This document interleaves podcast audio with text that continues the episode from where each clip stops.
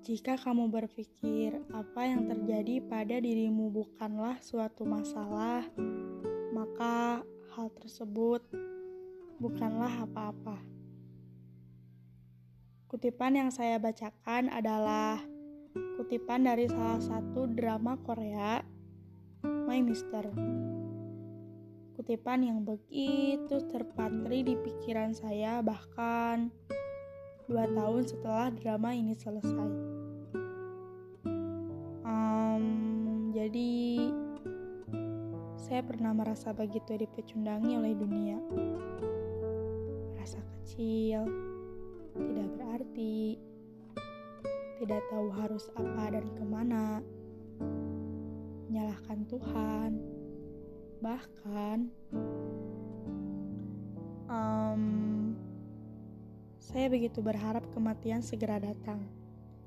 Berpikir bahwa itu adalah satu-satunya jalan dan pembebasan.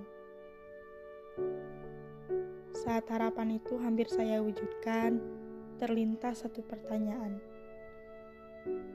Apakah Tuhan mau menerima saya pulang? Bahkan ketika belum waktunya. Potongan-potongan kejadian sedih seketika berkumpul menjadi satu. Pecah sudah tangis saya waktu itu, mengeluarkan semua muak yang terlalu lama dipendam. Lega sekali. Dua jam setelah saya menangis, saya mencoba menenangkan diri dengan meyakinkan bahwa semua akan terlewati juga. Sembari menepuk bahu, saya mengatakan, tidak apa-apa, tidak apa-apa. Kadang ada beberapa hal yang akan selesai hanya dengan sebatas penerimaan. Rayakan saja apa-apa yang telah diberikan hidup.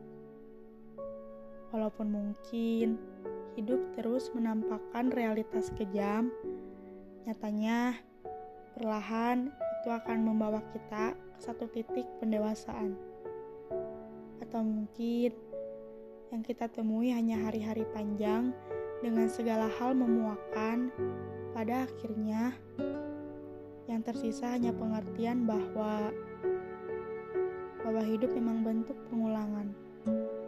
Baik sedih pun bahagia, keduanya bermakna bukan?